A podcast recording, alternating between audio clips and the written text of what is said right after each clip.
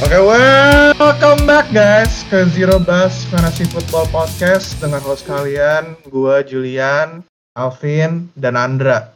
Yo, welcome back. Welcome back. Let's go, let's go. Ini Ah, kita udah, iya udah bulan Juli ya. Yo, Yoi. Bentar lagi eh, season bakal mulai nih kayaknya. Kalau mulai. Kalau Ya, mulai. ya doain lah anjir, anjir. Kalau nggak ada fantasi, kalau nggak ada fantasi, sulit nih hidup gue nih nanti. Jangan Kalau nggak ada, kalau nggak ada fantasy, podcast kita zong jadinya. Aktivitas zong, man. Masa gue kuliah do, masa gue tiap Senin pagi kuliah doang, anjing nggak nggak sambil ngeliatin fantasi kan nggak mungkin. Yo. Kita nggak punya cukup cukup konten buat sampai tahun depan. Ini gue langsung masuk ke beberapa update di running di fantasi aja ya. Yap.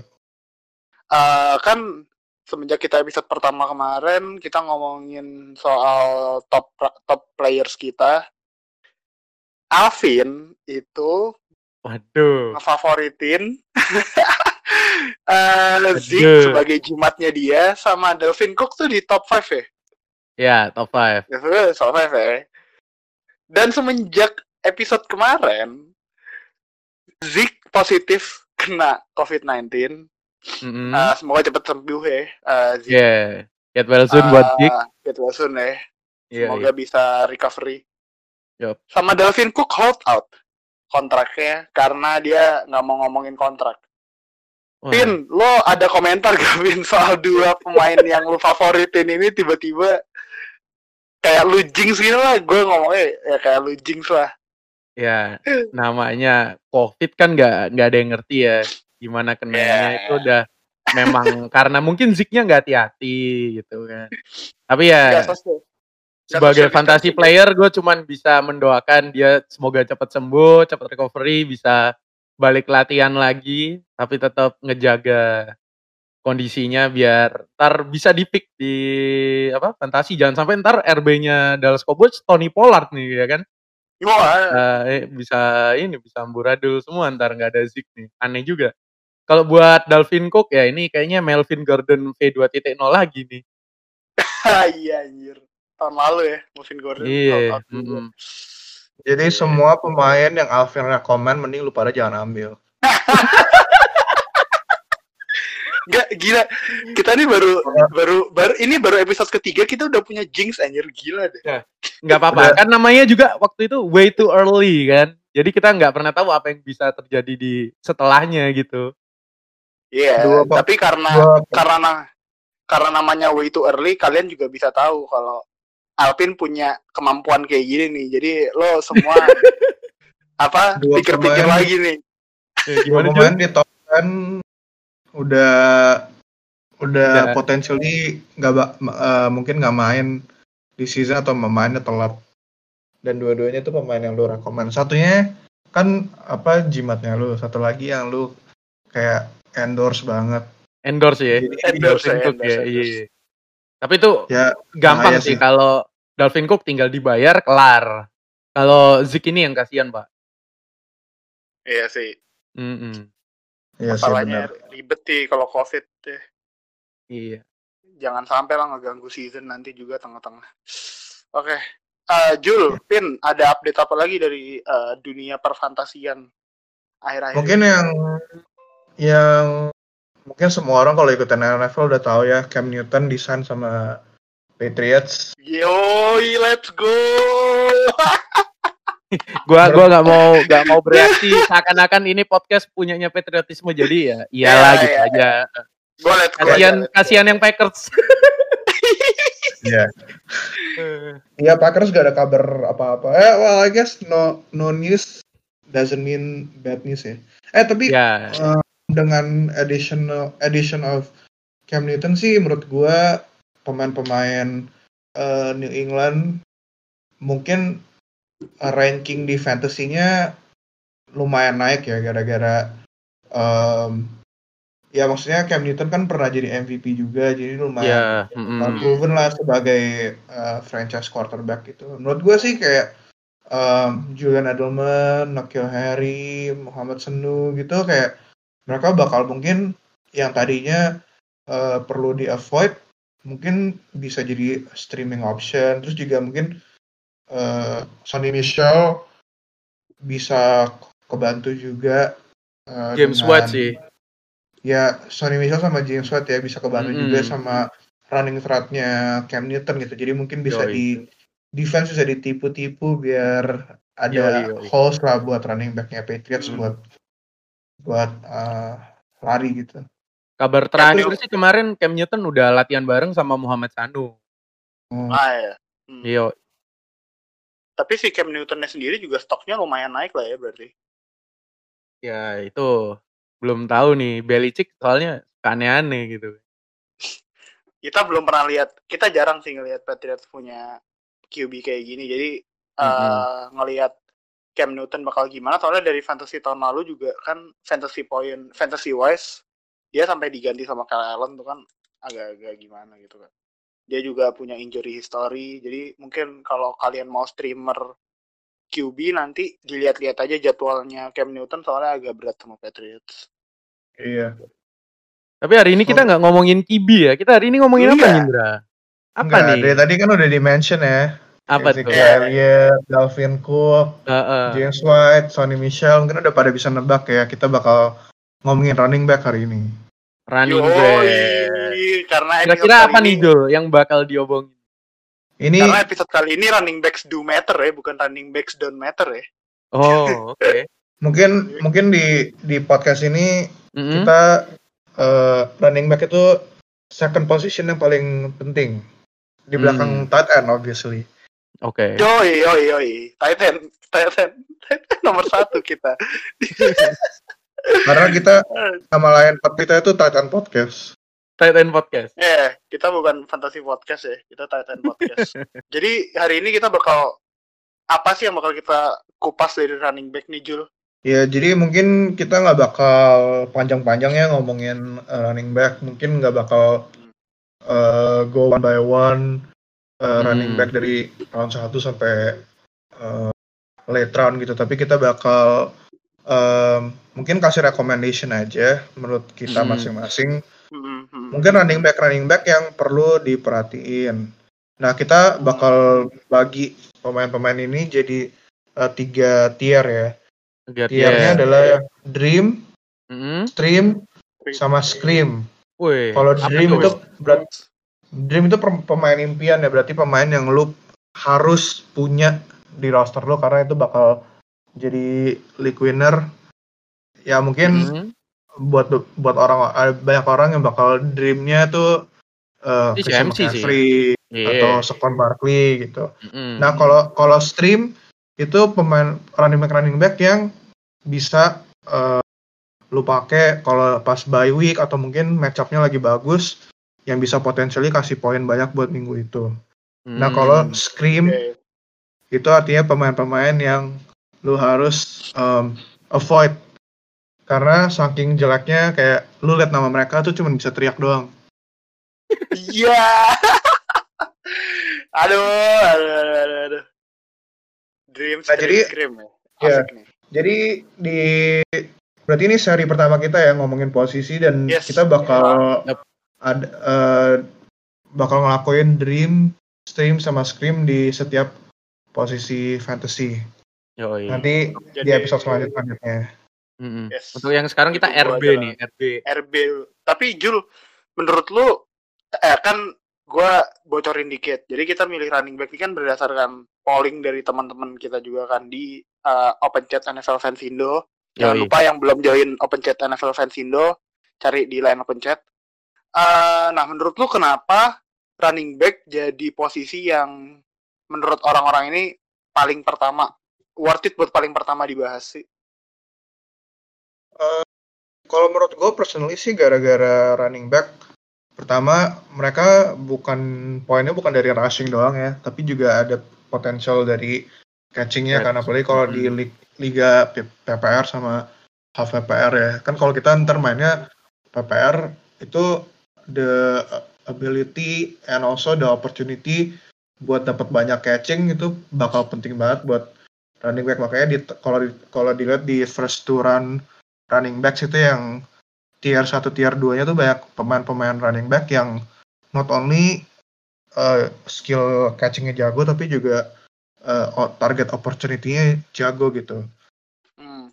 Terus juga menurut gue sih sekarang apalagi di di uh, NFL sekarang tuh kan very ini ya maksudnya very supportive lebih tendensinya buat offense gitu jadi banyak dan tim-tim juga sekarang lebih banyak uh, offensive scheme-nya uh, pas fokus gitu jadi uh, wide receiver yang ada di setiap tim tuh bakal dapat banyak opportunity dan juga banyak kalau wide receiver kan tiap tiap tim bisa ada dua atau tiga gitu kan dua tiga, dua, tiga biasa, ya.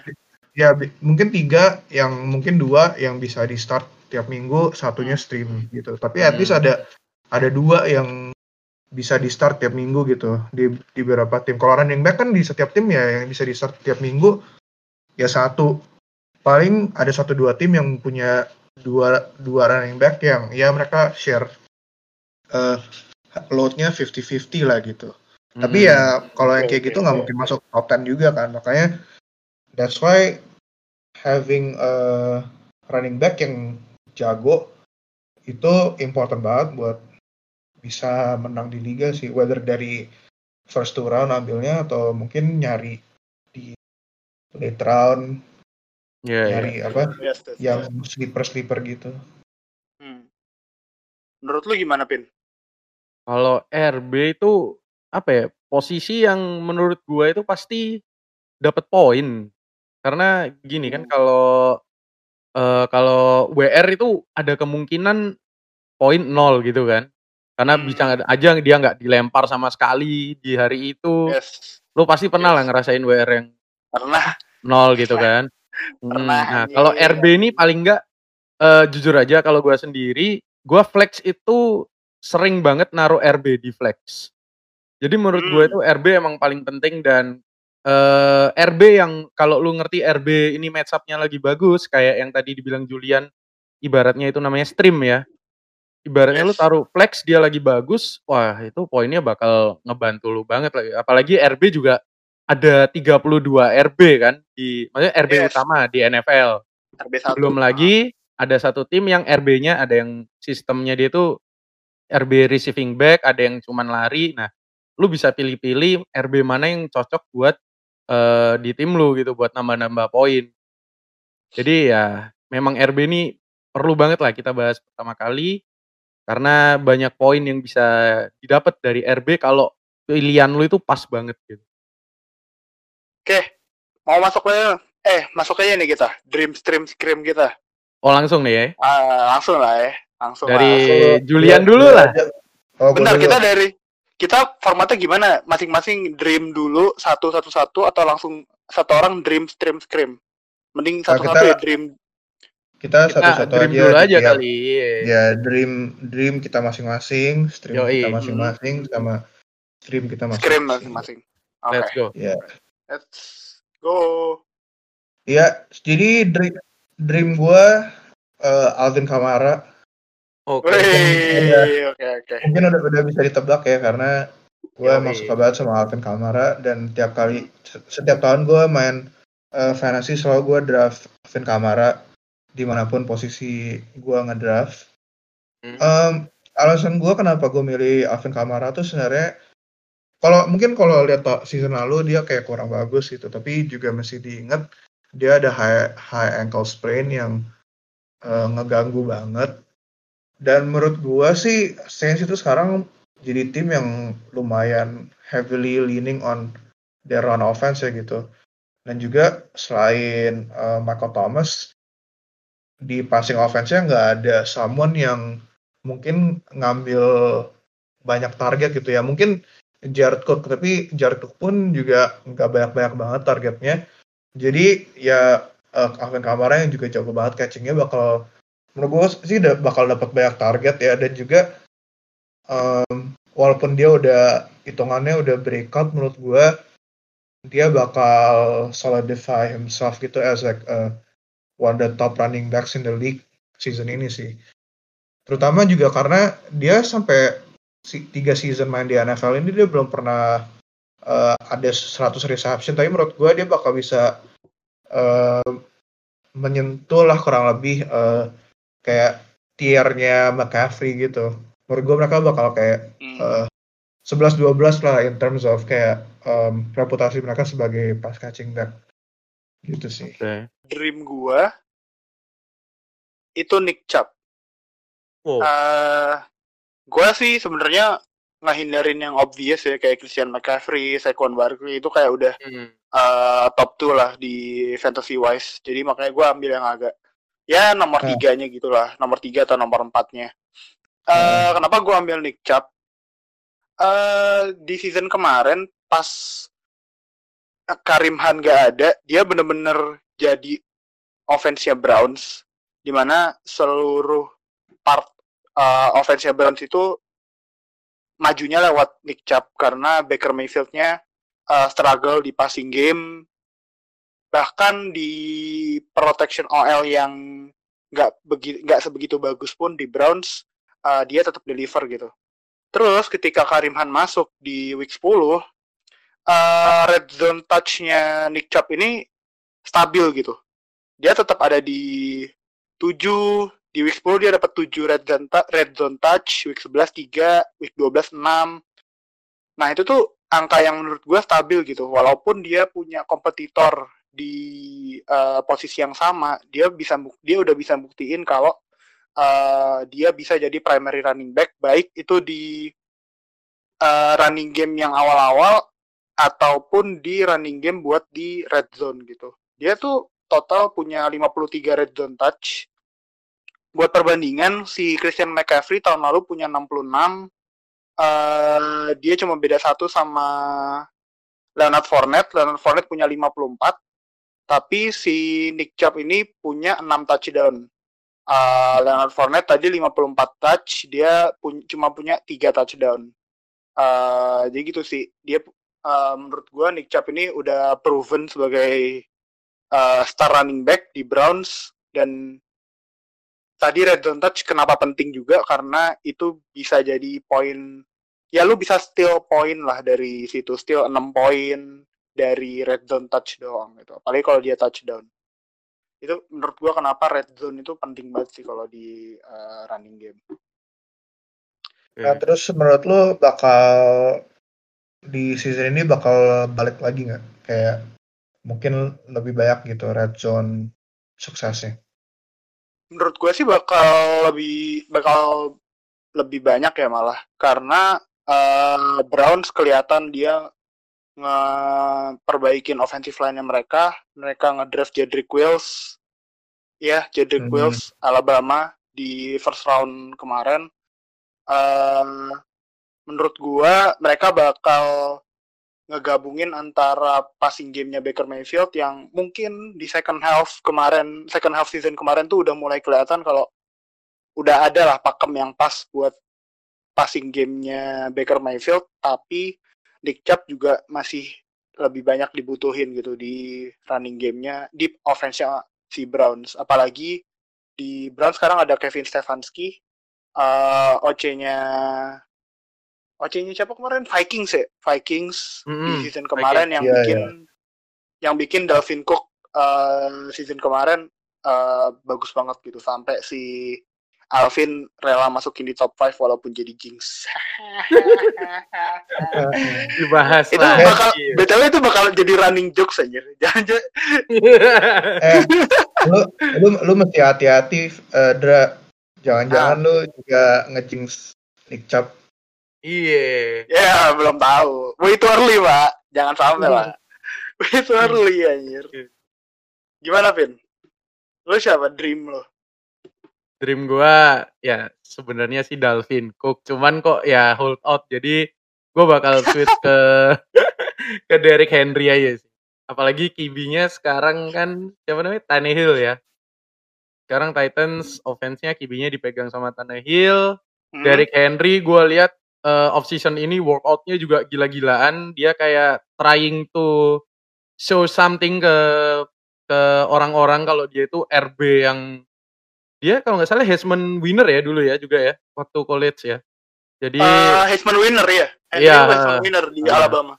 Hmm. Makanya itu dia Iya, kayak iya, iya. gue lihat dari off seasonnya dia tuh kayak dia try hard banget mau jadi RB yang terlihat istimewa di NFL. Jadi kayaknya bakal keren nih Derrick Henry di 2020 ini. Jadi Oh. dream gue Derrick Henry. Gua gua concernnya sama Derek Henry sih ya load load dia ya kayak mereka Titans tuh lean banget ke running gamenya. Terus di belakangnya Derek Henry tuh nggak ada someone yang bisa ngebantu loadnya dia ya kecuali mereka nge-draft rookie tapi kayaknya gua nggak ingat mereka ada. nge-draft rookie yang nggak. si- yang signifikan gitu. Jadi ya lumayan concerning sih. Takutnya dia middle of the season kayak badannya breakdown karena dia selama ini kan belum ada injury apa-apa ya yang kayak major injury gitu. Iya ya belum belum. Takutnya takutnya ya season ini yang bakal Dari muncul. segi injury memang belum ada. Cuman dari performance biasanya dia tuh baru panasnya tuh setengah Second, second tiga, half. tiga- ya second half. second half atau Ah. tiga perempat season ke belakang gitu loh. Kayak nah iya iya. empat lima game itu awal kadang agak moody gitu ya. Tapi ya kayaknya mungkin dia di off season ini workoutnya gila-gilaan. Mungkin dia bakal breakout season di season 2020 kita lihat aja sih. Tapi kalau season kemarin tuh lebih karena ini gak sih? eh, QB situationnya Titans juga. Pas mereka baru Ya ganti, pas mereka baru ganti Tannehill, kayak Derrick Henry baru mulai kelihatan gitu loh. makanya itu. Baru mulai kelihatan bagusnya. Oke, jadi kita lanjut ke ke stream ya. Stream ya. Em, Dream. pemain yang menurut gua worth buat stream itu David Johnson. David Oh, Johnson. Oh, yang denger Texas bakal ya sekarang kaget ya. ya. Yo iyo iyo Tapi iyo. pertama dia um, health history-nya selama dua season belakangan ini kan kayak let's Ya. it's not good ya. Maksudnya dia injured banyak, terus kayak Hmm. nggak main. Tapi menurut gua dia pindah ke Texans, mungkin kontroversial juga ya gara-gara dia di trade sama DeAndre Hopkins kan. Tapi menurut gua he's gonna surprise a lot of people Mm-mm. karena di Texans selain dia cuma ada Duke Johnson dan menurut gua mereka nggak bakal start Duke Johnson over David Johnson ya ya, karena itu uh. David Johnson um, kayak ter- terutama pas catchingnya jauh lebih bagus daripada Duke Johnson dan dia dia sebagai pemain yang j- emang jauh lebih eksplosif lebih versatile. Jadi of course Bill O'Brien yang offensive minded bakal coba um, utilize David Johnson ya menurut dan menurut gue karena I think he's finally gonna be healthy again and mungkin bisa balik jadi kayak David Johnson yang di tahun 2016 ya yang waktu itu um, konsensus number one pick gitu. Hmm. Gitu sih menurut gua. Eh, kalau Jul, Jul kalau stream kan kita bergantung banget sama jadwal. ya. Kalau Texans jadwalnya gimana? Kalau Texans, ya menurut gue sih Texans di conference sendiri tuh masih ini ya masih ya mereka inilah bisa favorite untuk kayak menangin conference gitu dan menurut gue juga di di AFC sendiri mereka ya maksudnya luma one of the top teams lah ya in NFC gitu terus ya mereka di division mereka ada ada Jaguars yang itu juga mungkin Texans lebih favorit untuk menang ya. Tapi ya mungkin mereka juga berat karena ada lawan eh, Chiefs, Steelers eh, season ini gitu. Terus juga cross conference schedule-nya bakal ketemu em, NFC North yang ada Packers, ada Vikings gitu. Tapi ya menurut gue justru di game-game yang kayak gitu eh, pass catching running back tuh bakal banyak dapat poin gitu apalagi di Texans sekarang wide receiver-nya siapa coba udah nggak ada DeAndre Hopkins um, Si Fuller ini, doang. Will, Fuller. Cooks, ya Brandon, Brandon Cooks. Cooks.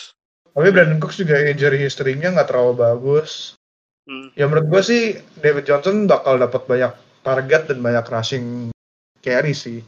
Jadi ya mungkin bisa jadi someone yang eh, lu gamble gitu ya. Ambil aja di fourth fifth round terus dipakai pas uh, matchup-nya bagus kayak mungkin pas lawan eh, Jaguars atau lawan Titans gitu. Bisa diandelin pas ini ya eh, apa division division match ya? Iya. Yes, yes. Atau pas mereka juga ketemu ketemu Bengals ya itu kan bisa dip- dipakai di Hmm. situ. Nah mereka tuh ketemu Bengalsnya pas eh, lagi fantasy playoff ya. Jadi mungkin ya lu masukin di flex bisa ngebantu banget. At least menang di semifinal ya. ah lu pin coba pin stream lu pin Stream gua salah satu RB dari AFC East, Matt Hmm? Oh Matt Breida. Breida, yo Matt Breida ini Breida kan RB-nya ya? Dolphin Pindah ya? sekarang. Dolphins. oh iya anjir Dolphin Iya, sekarang. Lupa Heeh. Matt Breida sebenarnya kalau nggak injury itu sekali dia main poinnya lumayan juga loh. Kalau kalian lihat di eh, dua tahun belakangan karena mungkin sistem RB di apa 49er itu apa istilahnya komite ya komite komite Iya. komite ya jadi ganti-ganti gitu ya kan Iya, ada Tapi banyak banget mereka running back Iya makanya itu tapi begitu Matt Breida dikasih kesempatan juga dia bisa nunjukin kalau dia itu salah satu RB yang oke gitulah untuk eh, level stream tergantung match up-nya ya kalau stream ini kan kita Yes. tergantung match up itu nah Hmm. Breida ini apalagi di tim kayak Miami Dolphin yang gua rasa senjatanya kayaknya cuma Devante Parker ya Jul ya WR-nya Iya, tapi eh, ada? Preston Williams sih yang rookie tahun lalu yang injured oh iya iya iya iya yang Iya. Torres Hill. tapi ya maksudnya dia undrafted free agent ya tahun lalu Mm-mm. jadi nggak tahu kalau tahun lalu tuh emang cuman kayak flash in the pan atau emang beneran bagus gitu kita masih belum tahu dia bakal kayak gimana Oh. Tapi kalau Tapi, RB kan- gimana? Kan- Kan cuman Matt dengan aja ya? run- running backnya Dolphins tuh ada Jordan Howard juga Oh, Jordan Howard juga ke Dolphin ya? iya Ya, tapi Iya. Matt Breida itu lebih Jordan Howard itu sorry, Jordan Howard itu kayak ini gak sih? Dia lebih ke shortage nyari gitu gak sih? Kayak iya nyari yard-yard kecil atau Kalau- misalnya third down conversion gitu-gitu.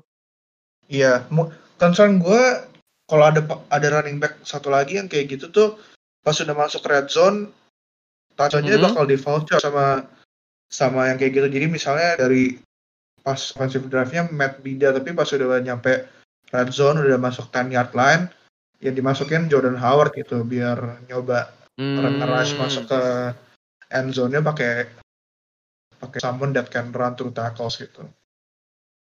Tapi ya gue lihat nih Matt Breida di Dolphin harusnya dia punya kesempatan yang lebih lah daripada di mana? Di 49ers gitu loh. Iya sih. Iya Hmm. sih. Hmm. Meskipun ntar Oh. mungkin ada bikin keselnya mungkin ya kayak sesuai yang diomongin Julian tadi mungkin udah mau red zone diganti Jordan Howard atau gimana. Ya. Tapi at least Ya. Matt Breda ini kita nggak karena nggak ngomongin RB yang bakal nge-carry terus ya. Jadi kan ini stream juga kita lihat dari pertandingan atau mungkin eh, ada faktor apa gitu kan. Jadi ya Matt Breda lah untuk streamnya. Iya. Alright. Oke, kalau lu gimana Nindra? Siapa lu? Kalau gue kita masih di AFC East. Wait, sokap nih. Jadi ini nggak bias ya. Ya. Ya dari Patriots. James Eh, White. James White. Oh iya. Kenapa kenapa James White? Karena karena Cam Newton sih sebenarnya. Jadi Ini pas Cam Newton obat. kemarin mutusin buat gabung, eh Nah. stoknya pemain Patriotsnya emang naik, tapi menurut gue yang bakal lu bisa eh, andelin itu justru kalau dari running back malah James White, Eh, bukan Yoi. Sonny Michel. Eh, kalau James White ini punya upside di pas pas catching. Jadi di gue nemu statistik juga yang menarik selama dia sama Tom Brady dua tahun Mhm. terakhir Hmm? eh dia tuh punya 159 eh reception buat running back. Ya. Mm-mm. Itu dia nomor tiga buat running back di bawah Christian McCaffrey sama Alvin Kamara. Oh, oke. Jadi di bawah CMC sama Kamara eh, ada James White gitu buat running back Hmm. yang catch leadersnya di dua musim terakhir. Nah, emang sih dari Super Bowl 51 juga kita udah ngeliat kan James White tuh eh, versatile back banget. Dia kadang-kadang bisa ditaruh di slot, bisa ditaruh di wide malah kalau eh, Patriots main empty set. Dan ngelawan Sonny Michel, sebenarnya Sonny Michel ini lebih power back sih. Sonny Michel ini Ya. belum ngelihat belum ngeliatin upside dia di receiving game Mm-mm. dan ternyata si si siapa si Cam Newton ini juga fav- favorit targetnya itu justru eh, running back kelihatan gitu Oh. ya kalau di season kemarin sama dua season kemarin kelihatan lah ada Christian McCaffrey gitu di Pan- di Panthers Mm. dan Ah. itu jadi du- sekitar 20 persenan targetnya Cam Newton itu ke si CMC gitu selama Iya, iya. uh, dia main di Panthers. Nah jadi menurut gua sih ini bakal jadi kesempatan yang bagus banget buat James White. Apalagi kalau Patriots bisa ngebikin offensive play-nya dia sesuai sama apa yang dimainin Newton, sesuai apa yang bisa dimainin sama James White. Uh, apalagi juga dia ada masih ada di divisi AFC East yang menurut gua eh lu lu bisa lah nge-start James White minimal 5 atau 6 match gitu. Hmm. 5 atau 6 match itu ya sel- ngelawan AFC East gitu. Soalnya kalau ngelawan yang divisi lain kita ngelawan AFC West sama eh kita. Ke bawah ke bawah ke bawah suka ke bawah nih Patriots tuh ngelawan AFC West sama NFC West dan menurut gue itu agak berat tapi lo bisa stream di 6 match yang AFC East division rival sih Bisa, bisa. Oke. Jadi menurut lu James White bakal jadi primary running back-nya Patriots sama masih tetap bakal Sonny Michel? menurut gua kalau running game kayaknya masih bakal Sonny Michel sih. Tapi Oke. Tapi si James White ini bisa ditaruh barengan malah sama Sonny Michel dalam beberapa apa beberapa kesempatan gitu. Iya. Tapi si James White-nya bakal take a role as pass catching back. Uh, Sonny Michel bakal take a role as uh, power back. Kayaknya James White sekarang lebih banyak main di third down third down sih. Oke. Oke, tinggal satu, Oh, tinggal pemain-pemain yang bikin bakal bikin lu teriak-teriak kalau lu kalau lu draft, kalau kalau lu trade atau kalau lu diajakin trade sama pemain kayak gini. Pin, scream, Scream. scream. Scream gua bingung nih. Karena dua-duanya dari Denver Broncos. Antara Philip Lindsay atau Melvin Gordon. Hmm. Intinya RB-nya Denver Broncos lah. Dua-duanya deh. Iya. Karena menurut gua either Lindsay atau Melvin Gordon memang RB yang bagus dua-duanya.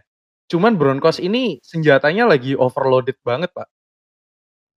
Oh, Overloaded. benar, benar, benar. Eh, senjata overloaded bagus buat tim untuk mencapai eh, kejuaraan atau menang divisi or something. Tapi secara fantasi itu bikin lu scream banget karena kayak RB yang eh, ibaratnya punya ada RB power back sama receiving back aja lu kadang pusing gitu. Tiba-tiba ya yang touchdown kok yang power back, ya yang touchdown kok receiving back. Tergantung pemain lu yang punya gitu kan. Nah, tapi kalau kayak Denver ini senjatanya lagi banyak, bola semakin kebagi, kayaknya RB dari Denver Broncos ini ya kalau lu ngedraft mereka jangan berekspektasi tinggi lah gitu menurut gua. Jadi itu aja sih singkat menurut gua RB Denver Broncos bakal bikin lu teriak, Bos. Teriak udah. Teriak, bos. Oh, Iya, mungkin ini perfect example ya, maksudnya dengan pemain-pemain yang kalau di NFL real NFL-nya itu Mm, bagus dan ngebantu timnya menang, tapi betul. secara fantasy itu kurang ideal untuk di pick terutama Iya. kayak em, ya maksudnya Mel- both Melvin Gordon ini sama Mel, Philip Lindsay menurut gue juga em, in addition tuh kayak, kayak timnya tuh banyak banget yang mesti dibagi juga Hmm. mereka tuh I would say mungkin dengan mereka ditambah tuh dua-duanya jadi unproven gitu. Kalau misalnya Philip Lindsay sendiri ya masih lumayan oke lah buat di stream gitu. Tapi karena ada Mm-mm.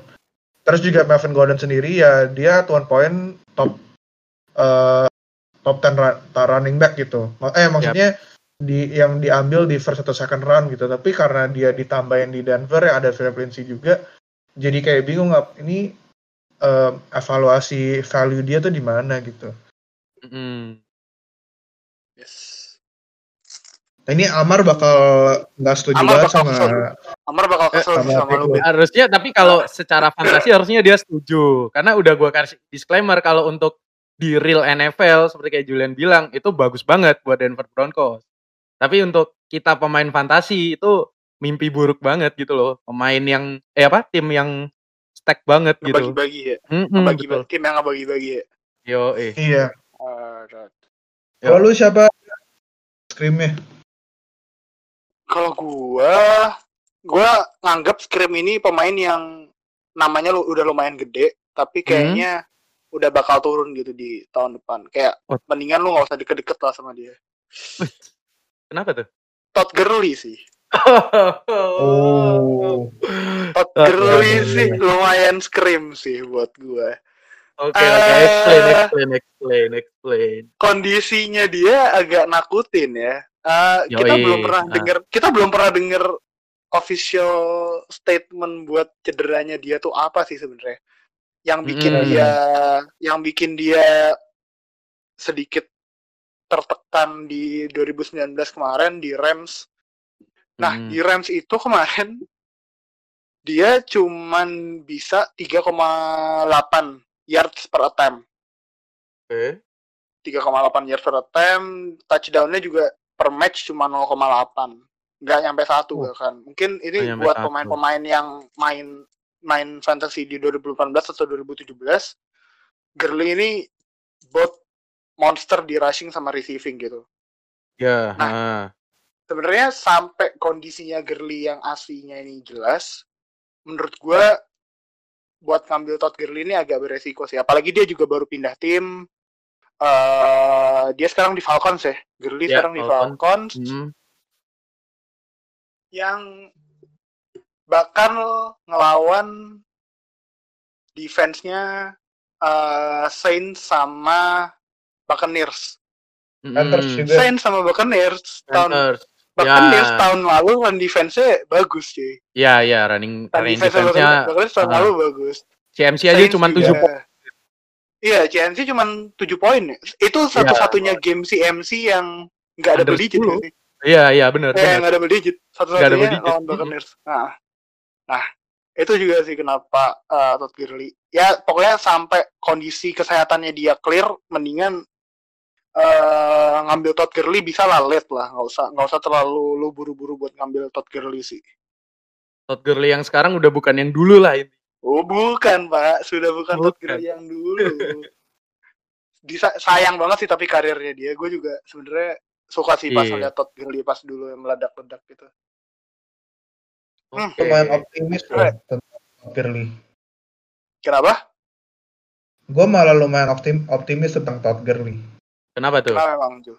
Kayak, kayak gue, menurut feeling gue dia bakal balik jadi Todd Gurley yang kayak 2017-2018 gitu. But ya, Hmm. maybe we'll see lah gitu. Gue sih, maksudnya em, di di offense ya Falcons kan mereka juga banyak nge passing attempts itu ada highest ya di di NFL. Jadi menurut gue si Todd Gurley kalau dia emang misalnya healthy, maksudnya eh, yang arthritis di manage, menurut gue dia bakal valuable banget sih jadi RB2-nya tim yang ngepick dia gitu. Alright. Emang kalau gitu siapa Ju? Scream lu Ju? Scream gue itu dari Seattle Seahawks, Chris Carson. Oh iya, Wow. bisa bisa. Chris Carson. Problemnya Carson- itu aduh. ya maksudnya dia tahun lalu season kemarin kayak lumayan bagus ya di em, di fantasy gitu. Hmm. Tapi itu the only time yang dia kayak eh, bagus gitu secara fantasy dan juga injury history dia tuh very concerning walaupun tadi st- streamnya gue pilih David Johnson yang Mm-mm. juga injury history-nya questionable tapi si Chris Carson ini bakal balik dari hip injury dan menurut gue hip injury itu one of those injuries yang kayak susah untuk recovernya balik ke 100% gitu dan juga cara cara larinya dia gitu kayak lumayan reckless gitu yang kayak um, higher chance of getting injured again gitu jadi kayak Hmm. siap-siap aja kalau pilih Chris Carson bakal at some point gak be, kemungkinan nggak bisa dimainin gitu makanya gue bakal avoid langsung at all cost karena menurut gue juga um, Seattle Seahawks walaupun they really like to run the ball they're just not that good at Ah, ya concerning sih kondisinya. Apalagi OL-nya Seahawks juga nggak nggak sebegitu bisa ngeblocking buat running game-nya Seahawks. Yep, betul. Terus mereka juga baru sign itu kan Carlos Hyde. ya? Apa Carlos Hyde? Mereka kan juga baru sign Carlos Hyde kan Seattle Seahawks. Oh iya, gue baru tahu sih. Gue baru ingat, baru ingat. Eh, Ya makanya kayak itu juga targetnya kemungkinan bisa di diambil juga targetnya Hmm, eh apa bener-bener. loadnya Chris Carson load-nya terus juga Chris Carson. ya masih ada Rashad Penny juga kan tapi juga Rashad Penny baru baru ini sih recover dari injury juga Hmm. Ya jadi lumayan inilah questionable lah Seattle Seahawks punya whole running back core gitu Iya, iya, iya. Tadi udah nih dream stream scream-nya dari kita bertiga masing-masing. Nah, Hmm. kita sekarang adalah bonus satu satu player yang menurut kalian bakal jadi sleeper buat running back. Buat gua Clyde edwards helaire tetap. Oke. tetap si rookie Clyde edwards helaire ini uh, yang Mhm. menurut gua mungkin bisa di take di late round lah kalau kalian ngambil draft pick. Hmm. Uh, singkatnya kalian hati-hati aja sama offense Chiefs yang bisa nge-utilize semua weaponnya gitu aja. emang menurut lu Clyde, Clyde Edwards Helaire bakal diambil di round berapa mungkin eh di liga lu mungkin buat rookie-rookie running back ini mungkin bisa di lot di late 4 atau di eh di round 4 5 bahkan oke Masih- soalnya gitu lah. Soalnya Clyde Edwards Helaire banyak project dia tuh di round 3 loh faktor rookie-nya sih yang masih concerning makanya siapa tahu lebih ke round 4 atau round 5 sih Oke, Hmm, interesting. gitu. Karena karena gue juga pick sleeper gue running back dari Chiefs tapi bukan Clyde Edwards Oke. Helaire. Menurut gue ini dia the true MVP.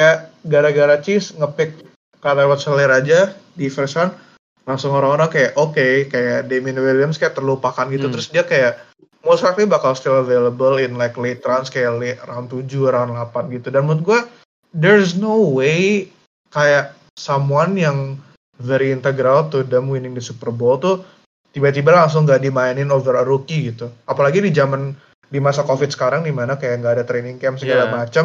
At least menurut gue di awal-awal season they will go with someone yang udah familiar with the playbook, udah proven juga gitu. Jadi mungkin sleeper in the sense dia bisa ngebantu um, tim yang ngepick dia tuh menang dari posisi flex tapi juga mungkin pas di playoff run di fantasy playoff run itu juga bisa dimasukin sebagai flex juga karena ya walaupun dia mungkin jadi uh, second string Chiefs offense tuh masih kayak jago banget even kayak their second string players tuh bakal bisa tetap relevan in fantasy gitu.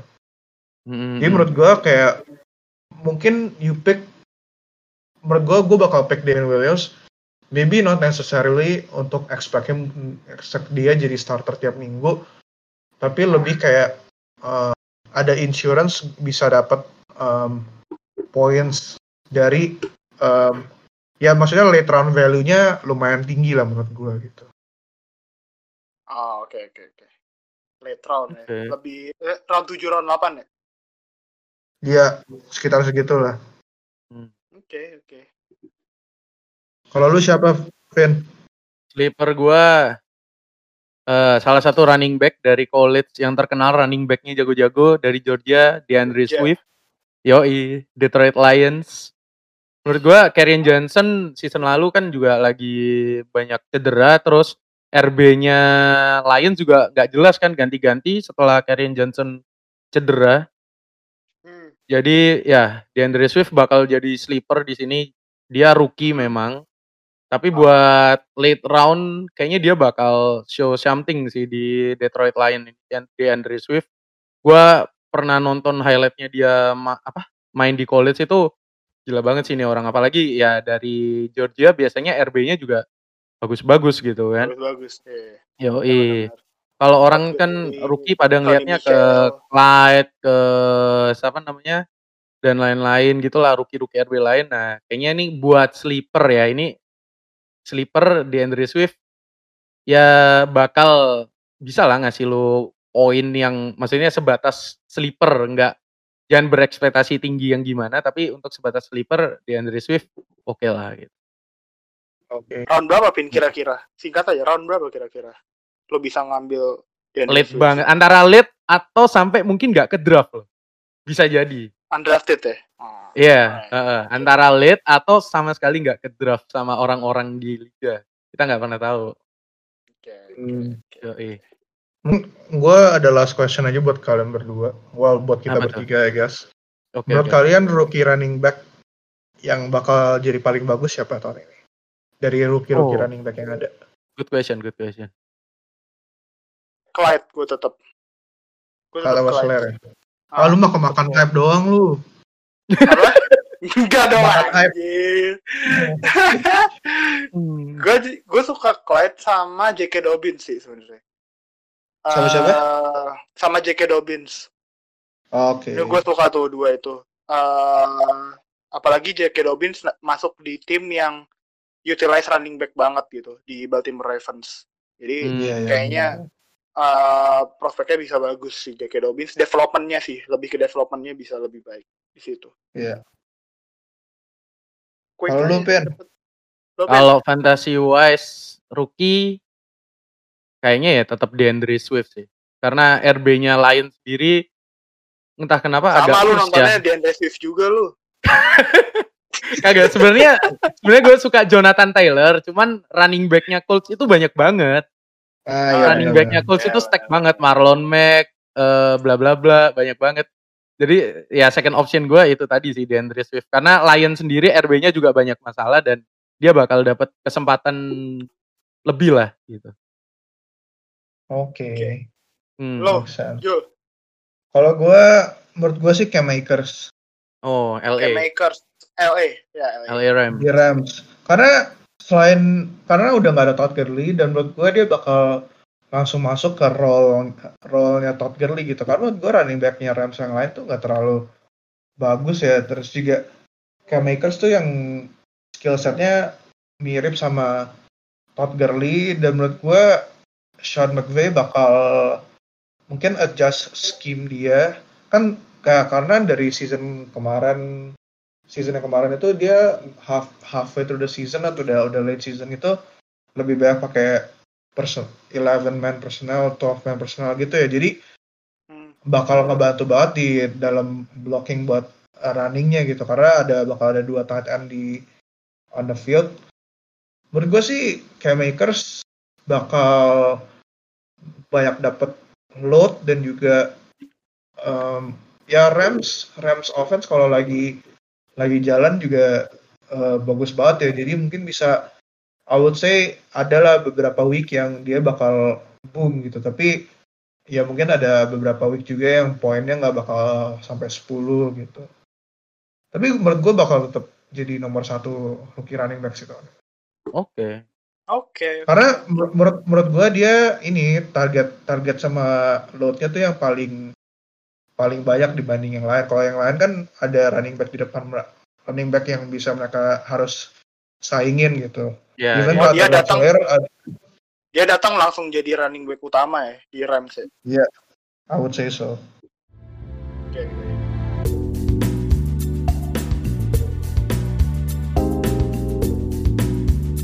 Cool, cool. Nice, kita udah ngelarin Dream, Stream, Scream, sama Scream sleeper sama rookie running backs yang bakal uh, bagus nih di uh, 2020 kira-kira. Nah, yep. nih kan gue dapat insider info nih dari WA grupnya NFL Fans Indonesia. Dengar-dengar ada yang mau ngajakin taruhan. Ada apa ini? Ada coba wah, coba wah. coba bentar ada apa latar belakangnya sama apa nih yang mau kalian pertaruh apa yang mau dipertaruhkan dan apa yang bakal jadi objek taruhan? Kayak anjir kayak seru nih. Ada apa ini? Kasih tahu Jadi, kasih paham Jul. Kita kasih paham kasih paham. kita hashtag kasih paham dulu. Yo gimana Jul kemarin ada yang ngepost kayak di apa? Di di grup WhatsApp Di grupnya WhatsApp, NFL Fans ya. Indonesia. Hmm. kalau nggak salah ranking atau apa gitu yang bilang kalau Austin Eckler bakal uh, finish over Alvin Kamara dan kalau yang paling Yoi. dari episode pertama Ya, si Alvin kan taruh Austin Eckler. Nomor 5 overall ya ya, ya. Nomor lima, terus lima. gue taruh Alvin Kamara di fourth overall nah Mm. gue sebagai uh, pendukung Kamara gue sih Austin, Austin Eckler tuh ketinggalan jauh Oke. di di Oke. Oke, oke. Pembelaan lu, Pin. Dikit aja Ya. pembelaan lu gimana? Gua nggak ada pembelaan apa-apa, cuman ya Austin Eckler itu satu-satunya senjata Charger, sedangkan Kamara itu ntar bisa lah diganggu Michael Thomas sama lain-lain. Jadi ya otomatis Eckler bakal ini secara poin fantasi ya, bukan performa Ah. orangnya, tapi secara poin fantasi bakal lebih tinggi daripada Kamara. Oke, oke. Mm-mm. Jadi eh gua sebagai pihak yang netral di Yoi. antara dua orang ini, eh gua nggak bakal pick sides. Instead, gua bakal menengahi eh taruhan ini. Iya. Jadi bakal ada boba bet ya. Jadi jadi peraturannya nanti adalah siapa pun di antara Kamara sama Austin Eckler Mm-mm. yang total fantasy poinnya eh, lebih tinggi, dia Yoi. bakal menangin taruhannya. Yoi. Eh, yang kalah taruhan harus beliin eh, boba buat eh, orang yang kalah, buat orang yang menang taruhan. Yoi. Bobanya Oke. seharga seharga merek-merek yang ini lah ya, merek-merek yang bobanya seharga merek-merek yang Ya, itulah merek Yang itulah ya. gitu-gitu lah. Eh. ya itu ntar Itu di, lah ya. di, di, di ntar lah di Yoi. center. Oke, jadi di sini gue sebagai saksi. eh jadi udah ketok palu ya si Julian Alvin Kamara, Yoi. Julian Alvin Oke. Kamara, si Alvin Austin Eckler ya. Austin Eckler, Pak. Oke, ini ngeresmiin Yoi. boba bet pertama di Zero Best Fantasy Podcast. kayak kayaknya bak- kayaknya bakal bakal banyak ya Gua Bakal banyak bakal ini. banyak sih. Ntar Gua- kelar season diabetes. Kayaknya kelar season gue diabetes sih kayak. Soalnya Yoi. gue bakal menangin banyak bet gitu ntar daripada Waduh, waduh, waduh, waduh, waduh. tapi fantasinya Oke. kalah anjing. jangan, jangan, jangan. Mending menang Ya. fantasi daripada menang bet anjing. Oke. Eh, Oke deh. Gimana Jul?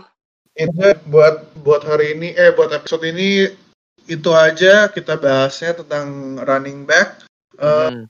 thanks again guys untuk dengerin lagi podcast kita ditunggu upcoming episode yang kita bakal ngomongin em, posisi-posisi lain ingat juga kalau pemain-pemainnya bas jangan salahin kita salahin pemainnya oke thank you guys see you guys Thank you guys. you. Bye. Thank you. Bye.